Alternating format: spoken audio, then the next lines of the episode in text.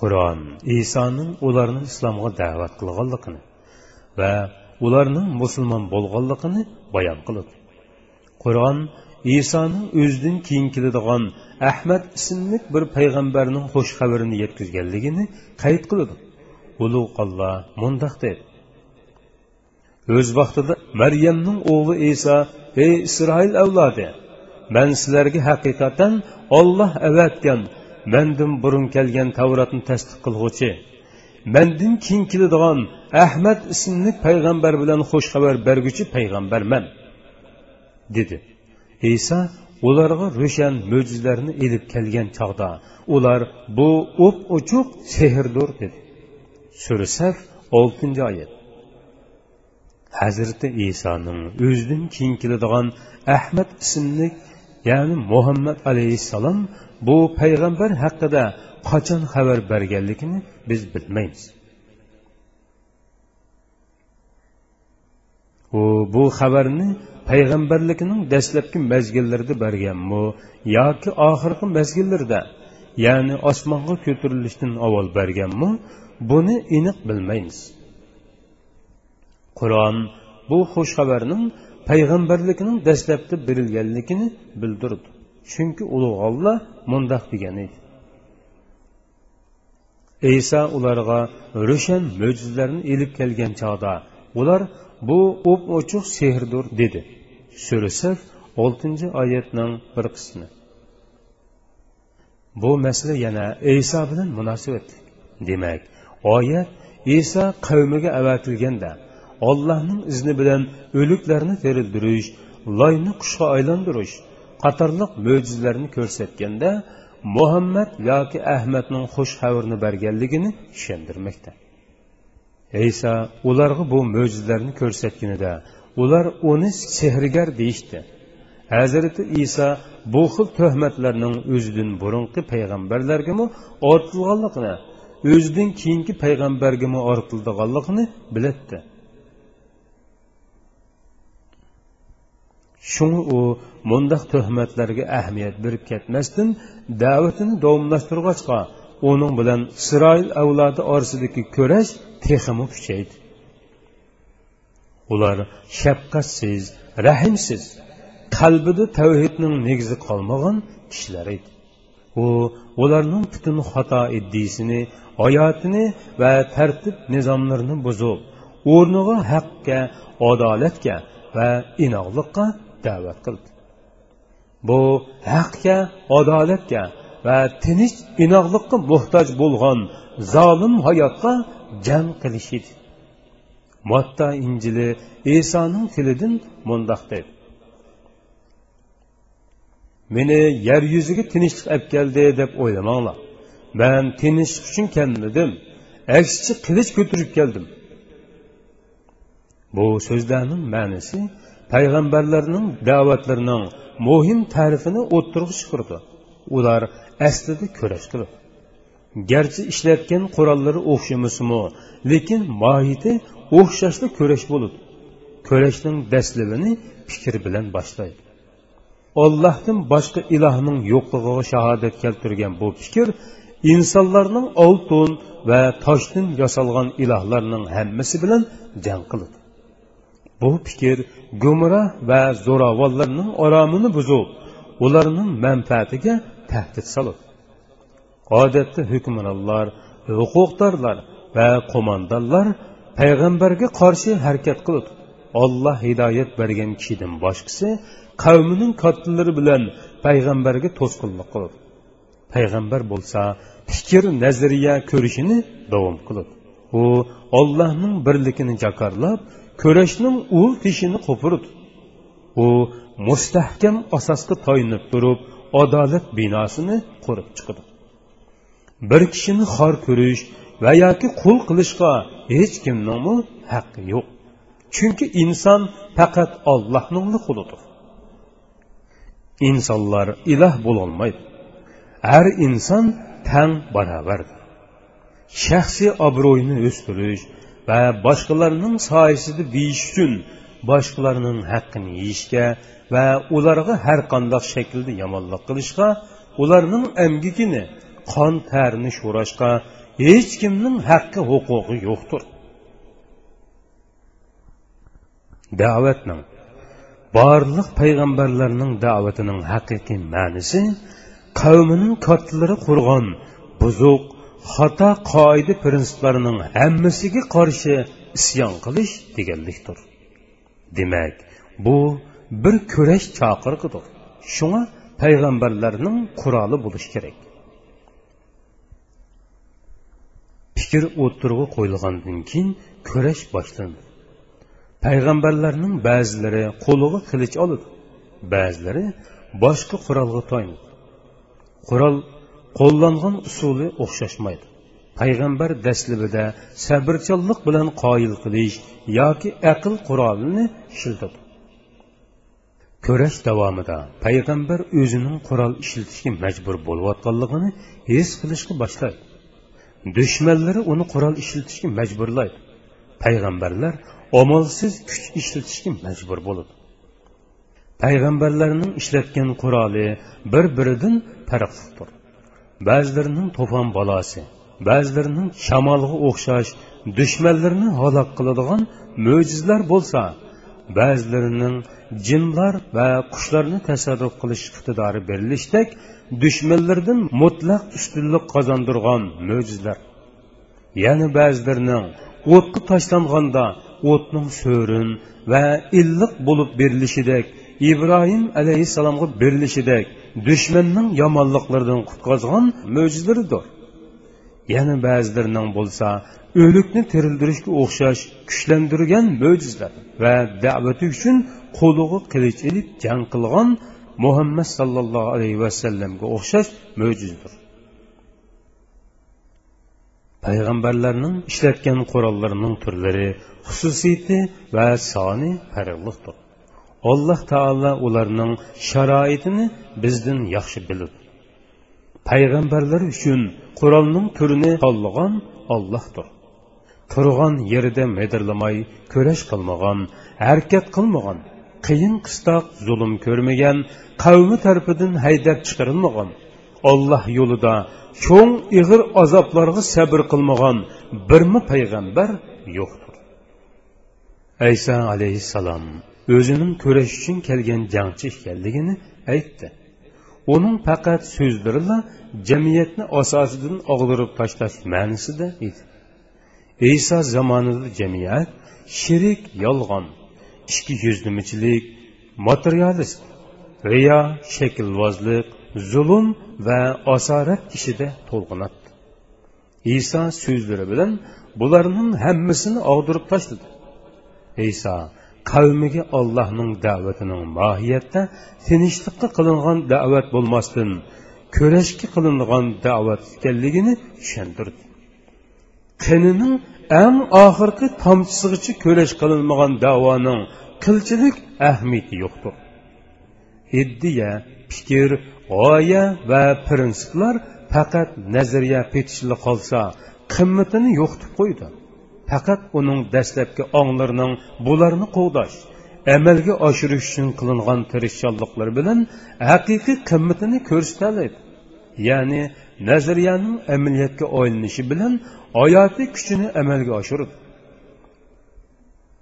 jang qilinmasa qurol ishlatilmasa payg'ambarlarning da'vati nazriy fikr holatida qoladi hech kishini harakatlantirmaydi hech kishini bearom qilmaydi. Hech kimni qarshilik bildirishga safarbar qilmaydi. Payg'ambar qissalarining ko'pchiligida qavmining ko'p qismining payg'ambarga qandoq qarshi chiqqanligini va uning bilan qandoq urushganligini ko'rib o'tdik. Boshda masxir qilishdi.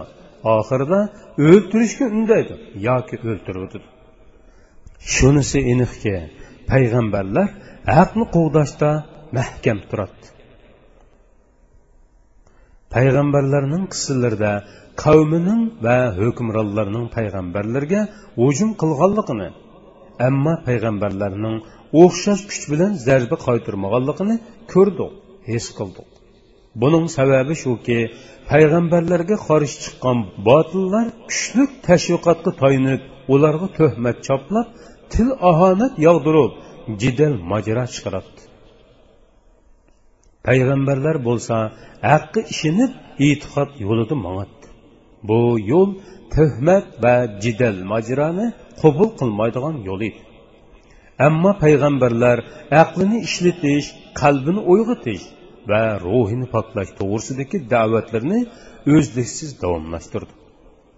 Bu o'zliksizlik payg'ambarlarning va allohning dushmanlari uchun cho'ng bosh og'rig'ini keltirib chiqaradi payg'ambarning chaqiriqi oila munosabatlarigacha ta'sir ko'rsatadi ba'zida otasi iymon etsa o'g'li inkor qiladi ba'zida o'g'li iymon etsa otasi inkor qiladi va yoki ayoli iymon etsa er inkor qiladi yoki dal buning aksi bo'ladi shuning bilan uyning ichida o'g'li otasi bilan ayoli eri bilan ixtilof qilish kelib chiqadi bu ishlar qavmining payg'ambarga qarshi harakatini texmi kuchaytirib o'tadi dushmanlik nafrat yo otasini o'g'lidan yo qizini onasidan ayirishga ilib boradi payg'ambarlar o'ziga agashganlarga bir qonun bekitadi qonun payg'ambarlarning so'zi bilan maydonga keladi avval olloh va payg'ambarni suyish. Orqadan insonlarni suyish keladi bu tushunchalar matto injilning o'ninchi jildida isoning so'zlari bilan o'z ifodasini topgan edi. Iso mundoq degan. Meni yer yuziga tinchlik bag'ishlash uchun keldi demanglar. Man tinchlik uchun emas ko'rash uchun keldim. Man o'g'lini otasi bilan qizini onasi bilan kelinini qayni onasi bilan ixtilof qildirishga keldim. Chunki kishining raqibi o'z oilasida bo'ladi kim ota onasini meni yaxshi ko'rgandan bekerak yaxshi ko'rsa u manga loyiq bo'lmaydi. Kim o'g'lini yoki qizini meni yaxshi ko'rgandan bekerak yaxshi ko'rsa umi manga loyiq bo'lmaydi. Kimki hayotini o'zi uchunla yashasa uni yo'qitib qo'y. Kimki hayotini men uchun taqdim qilsa haqiqiy hayotga erishadi. Injilni izohlag'uvchilar mundoq deydi. Yahudlar iso haqida u kelganda agashkuchlarning hammasiga mol boylik saltanat berdi va ularga huzur xotirjamlik ilib keladi deb qaraydi. Masih kelib muridlarga undoq bo'lmaydiganligini tushuntirdi. Chunki agashganlarga ollohning qarindoshlarining va o'z vijdonlarining oldida ular talab qilgan xotirjamlikni bersa ular zulmga uchraydi va qilich bilan o'ltiriladi shunga ular xotirjamlikni kutishning o'rniga kurash qilishi murassa qilishning o'rniga ayrilib chiqishi kerak edi. Shuning bilan yahudiy jamiyati ikkiga bo'lindi.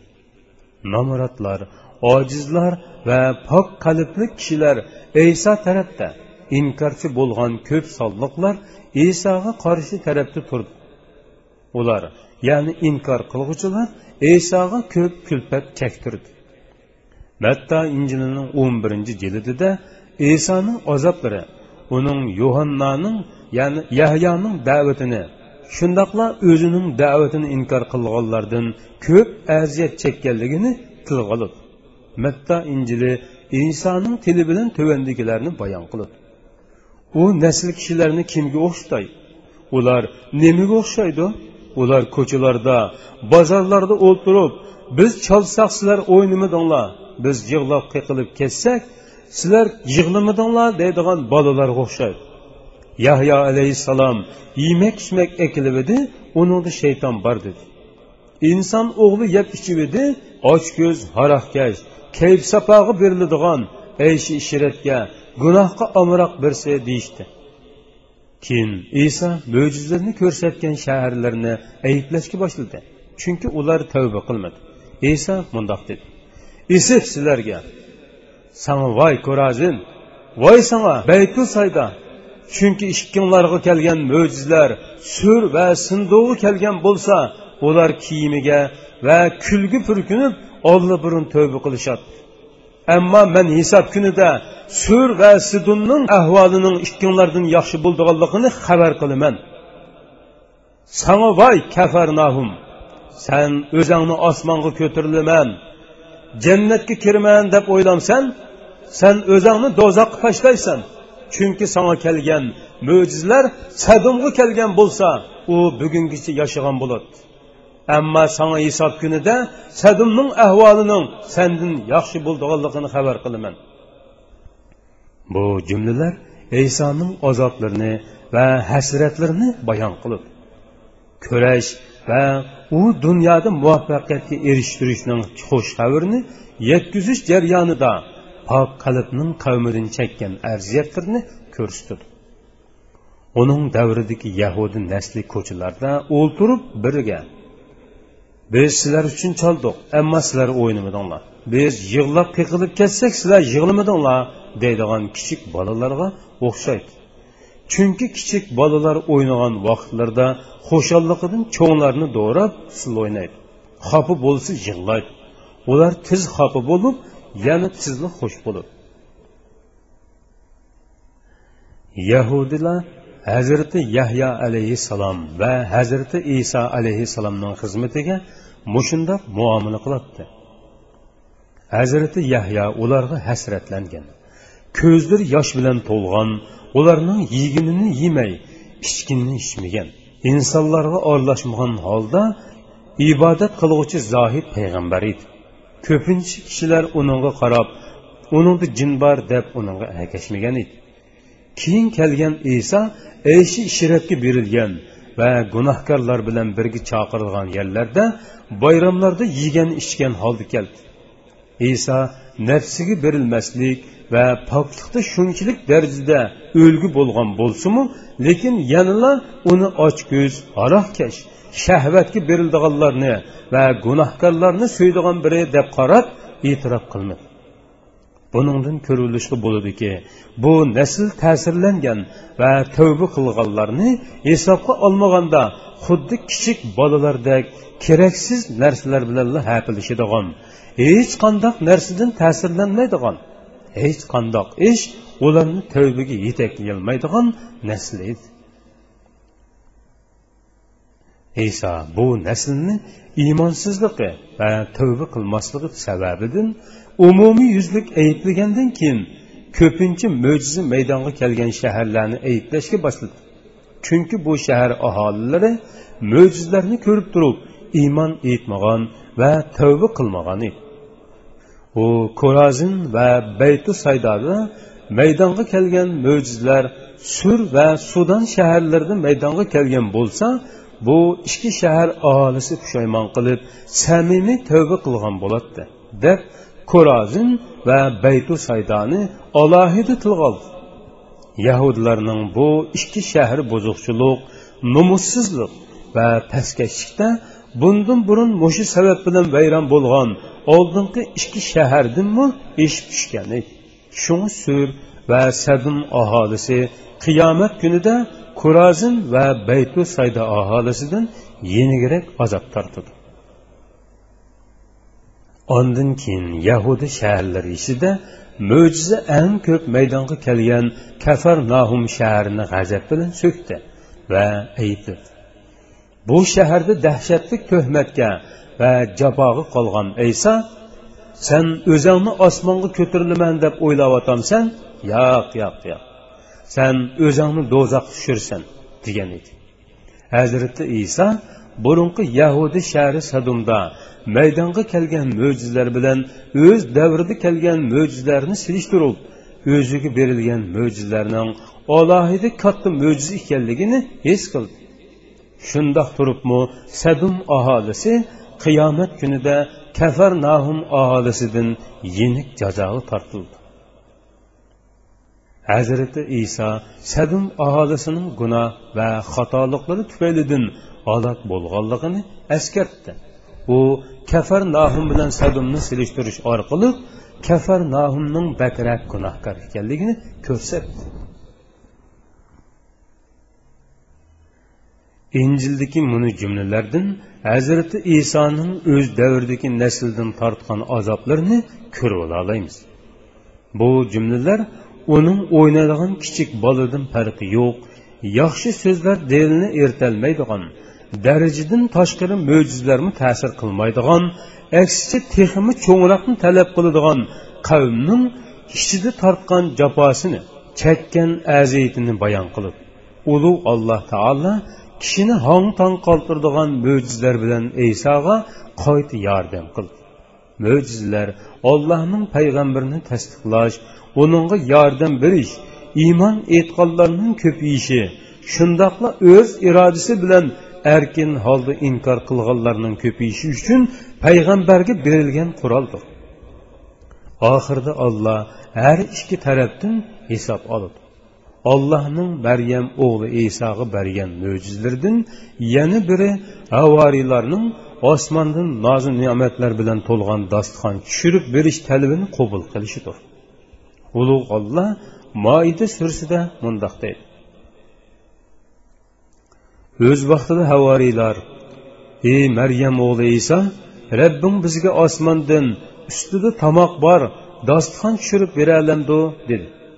Iso agar allohning qudratiga ishonsanglar bundoq savollarni so'rashdan allohdan qo'rqinglar dedi. Ular biz uningdan yeyishni ko'nglimizning tinchlanishini so'zingning rostligini bilishni va payg'ambarligingga guvohchilardan bo'lishni iroda qilamiz dedi.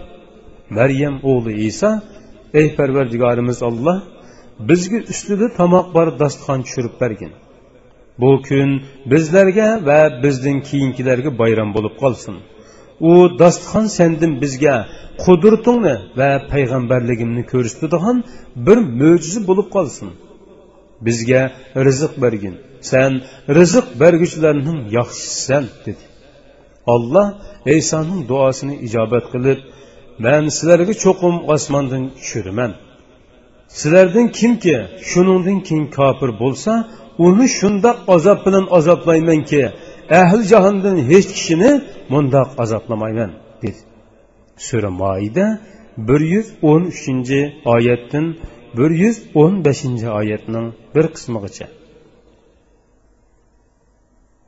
avvarilarning ey maryam o'g'li iso rabbingning kuchi yetamdi deyishi bizni intoyin hayron qoldirdi.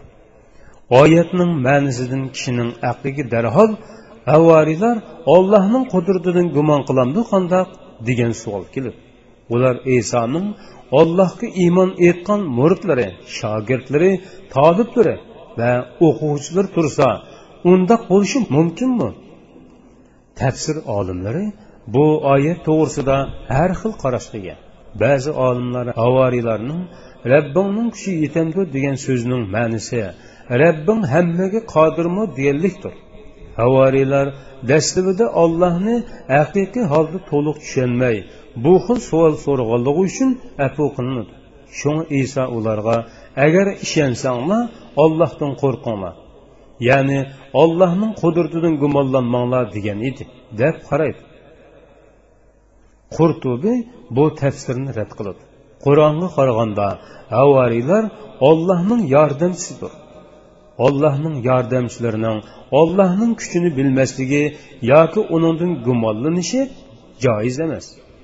Ya'ni ba'zi olimlar bu so'zlarni havoriylarning yinidiki boshqa yahudlar aytgan. Havoriylar faqat isoga yetkazgan deb qarashidi buningdan boshqa bu oyatni boshqacha ma'noda o'qiganlarmi bor?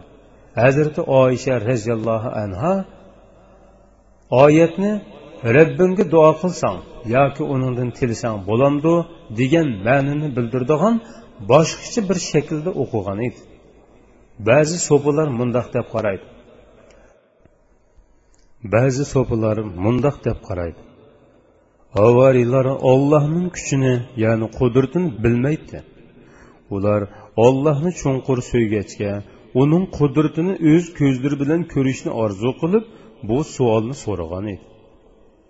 Ularning bu ahvoli darajasi farqliq tuvandagi so'zlarni so'zlagan hazrati ibrohim alayhissalomning ahvoliga o'xshaydi. Parvardigorim o'liklarni qandoq tirildirganligingni manga ko'rsatgin dedi. Olloh o'liklarni tirildira oladiganligimga ishonmadingmi dedi. Ibrohim yo'q ishondim lekin ko'nglim texmi qaror topsin uchun ko'rishni tilayman dedi. Sura baqara ikki yuz oltmishinchi oyatning bir qismi. Demak havoriylar xuddi ibrohim alayhissalomning deganidek ko'nglimizning qaror tepishini ya'ni xotirjam bo'lishini umid qilamiz degan edi. Bu bizning ko'nglimizni taskin topqizgan tafsirdir. Hazrati iso ularning savoliga mundoq javob berdi. Agar allohning qudratiga ishonsanglar bundoq savollarni so'rashdan ollohdan qo'rqinglar dedi. Sura moida bir yuz o'n ikkinchi oyatning bir qismi. Ya'ni ko'p savol so'rashdan va ollohni sinashdan saqlaninglar chunki mo'jizalar bilan tang beshinglarga qandoq ishlar keldiganligini sizlar bilmaysizlar. Agar ishonsanglar degan so'z shuni bildirdiki sizlarga ko'rsatgan mo'jizalarim yetarlikdir ular biz uningdan yeyishni ko'nglimizning tinchlanishini so'zingning rostligini bilishni va payg'ambarligingga guvohlardan bo'lishni iroda qilamiz dedi. Sura moida bir yuz o'n uchinchi oyat. Iso havoriylarni cheklagandan keyin havoriylar o'zlarining nima uchun bu savolni so'rashganligini tushundirdi hazrati iso teshig'i chiqqanda uningga besh ming yoki o'n mingdan ortiq kishi erishmadi. Ularning bir qismi havoriylar va ular bilan birga bo'lganlar yana bir qismi dushmanlar edi. Bu haqda mundoq deydi ular yeniga hech qandoq yemaklik olmasdan ro'za tutdi. Havoriylar bilan birga turgan kishilar isodan so'rab boqinglar bizga osmondan yemak bor dasturxon tushirib berishga rabbiga duo qilamdikin? deyishdi.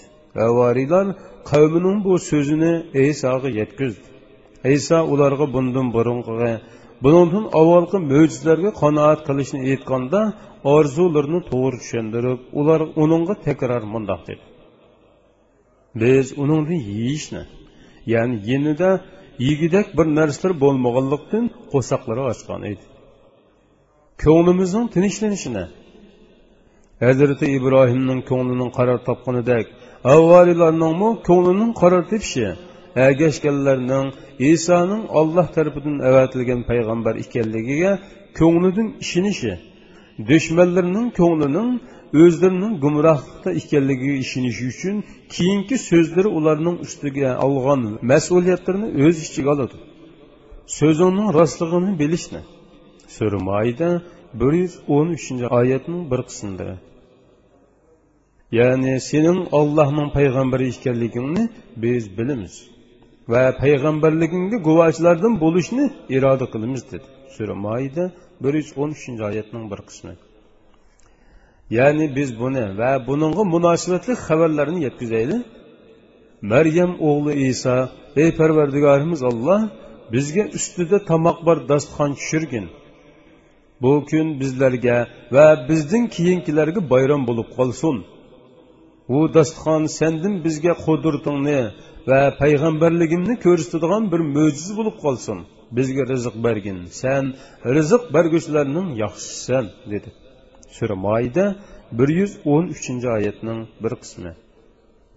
Iso havoriylarning bu talibi bilan o'rnidan turib yung kiyimini silib ibodat kiyimini kiydi. Ondan ikki putunni juplab o'shqini o'shqig'i choplab bosh barmog'ini birlashtirib o'ng qo'lini so'l qo'lining ustiga qo'ydi. Va ollohga itoat millik bilan beshini aydi ko'zlaridan oqqan yoshlar soqilidan seyrilib ko'ksiga eqib tushdi. Ey parvardigorimiz olloh bizga ustida tomoq bor bir dasturxon tushirgin dedi. Olloh isoning duosini ijobat qilib uni man sizlarga cho'qim osmondan tushirman dedi. Sura moida bir yuz o'n to'rtinchi va bir yuz o'n beshinchi oyatlar. Ikki bulut orasida g'oyat zo'r dasturxon zaminga tushdi. Bulutning biri dasturxonning ustida yana biri dasturxonning ostida edi. Iso ey parvardigorim buni bizga rahmat qilib bergin fitnaga sabab qilmag'in dedi. Dasturxon hazrati isoning oldiga tushdi ustida bir parda bor edi. Hazrati iso va uning havoriylari sajdaga yiqildi. Dasturxondan burun hech kim purab boqmagan mizlik puroqlar keladi iso oranglarda kim allohga eng ko'p ibodat qilgan va uningga bog'langan bo'lsa u dasturxonni ochsin. Ollohning ismini zikr qilgan va uningga hamda aytgan holda ne'matlarni yangla dedi. Avoriylar ey ollohning ruhi buningga sen eng loyiqsan deyishdi.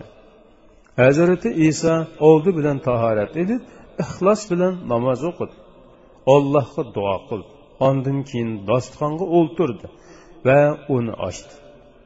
Shunda qarasa dostixonda qiltiriqsiz yog'dak siyliq pishirilgan bir beliq turibdi ular so'rashdi ey ollohning ruhi bu dunyoning taomimi yoki jannatning taomimi iso aytdi olloh sizlarni bu xil savolni so'rashni cheklamadimi dostixondagi tomoq jannat ne'matimi emas dunyo ne'matim emas. Balki allohning cheksiz qudrati bilan tayyorlangan tomoqdir olloh uningga vujudga kel dedi u vujudga keldi. Mufassirlar dostixondagi ne'mati haqida u beliqmidi go'shtmidi nonmidi yoki mevimidu deb munozir qilishdi. Biz bundoq savollarni ahamiyatsiz deb qaraymiz. Biz uchun muhimi hazrati isoning buni so'zlari. U ollohning cheksiz qudrati bilan yaratgan bir ne'matdir. Olloh uningga vujudga kel dedi u vujudga keldi. Mana bu dostixon mo'jizasining haqiqatidir. Bu ollohning bir ishoratidir. Ollohning uni inkor qilganlarni dunyoda hech kim ko'rmagan azob bilan azoblaydiganligining ishoratidir. Olimlar dostixonning tushgan yoki tushmaganligi haqida ixtilof qilishdi. Ammo zo'r ko'pchiligi ollohning tuvandagi so'ziga asoslanib uning tushganligini e'tirof qildi. Olloh mundoq dedi. Man sizlarga cho'qim osmondan tushiraman. Sura moyida bir yuz o'n beshinchi oyatning bir qismi. U dostixondagi ne'matlarni minglagan kishilar yebmi tugatolmaganligi bu ne'matni yegan ko'rlarning ko'rdigan baraz kasalliklari va polajlarning salla mazor saqiyib ketganligi rivoyat qilinadi. Hazrati isoning havoriylari bu va agash kishilari dostixon tushirilgan bu kunni bir mazgilgacha bayram kuni qilib tabriklagan edi. Ammo shundan keyingi yillarda bu kun osta osta unutilib ketdi. Hatto ular e'tirof qilingan injildimi bu to'g'riliq xabar berilmagan. Moida surisidagi dostixon mo'jizasidan keyin ulug' olloh hazrati iso haqida boshqa bir ahvolni tilga oladi ulug' olloh dostixon mo'jizasidan keyin mundoq degan edi. Ey maryam o'g'li iso sen kishilarga ollohni qo'yib men bilan onamni ikki iloh qilib olinglar dedingmi? Iso aytdi rabbim sha'ningga loyiq bo'lmagan narsalardan seni pok deb e'tiqod qilamanki manga aytishga tegishlik bo'lmagan so'zlarni man aytmayman agar man bu so'zni aytgan bo'lsam san cho'qim bilasan ya'ni mening undoq demaganligim sanga ma'lum. Sen mening zotimdikini bilasan man sening zotingdikini bilmayman. Sen g'ayiblarni nihoyatda obdan bilasan man ularga faqat sen meni aytishga buyurgan so'zni ya'ni mening parvardigorim va sizlarning parvardigoringlar bo'lgan allohga ibodat qilinglar dedim. Man ularning orasida bo'lgan muddatda ularning amallarini kuzatib turgan edim. Meni qabziruh qilganingdan keyin ularning amallarini san kuzatib turgan eding. San hamma narsadan xabardorsan. Agar ularga azob qilsang ular sening bandalaringdir. Ularni xolig'iningcha tasarruf qilasan. Sanga hech ahadi taarruz qilolmaydi.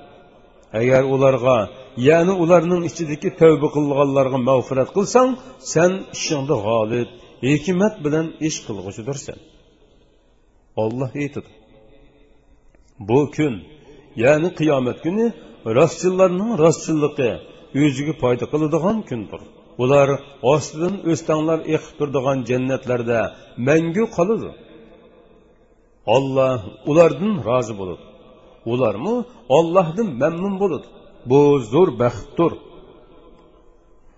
osmonlarning zaminning va ulardagi mavjudotning podshohligi ollohga xosdir olloh har narsaga qodirdir surmoida bir yuz o'n oltinchi oyatdan bir yuz yigirmanchi oyatgacha moida surasi bu oyatlar bilan oyoqlashadi shuning bilan qur'on dostixon mo'jizasidan biroqli qiyomat kunidagi ulug' olloh bilan maryam o'g'li iso o'ttirsidagi suhbat ko'tidi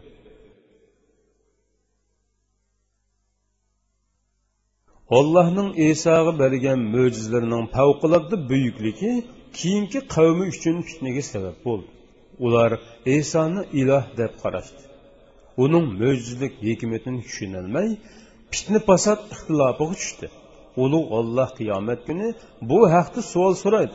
Ey maryam o'g'li iso sen kishilarga ollohni qo'yib men bilan onamni ishga iloh qilinglar dedingmi? Sura moida bir yuz o'n oltinchi oyatning bir qismi.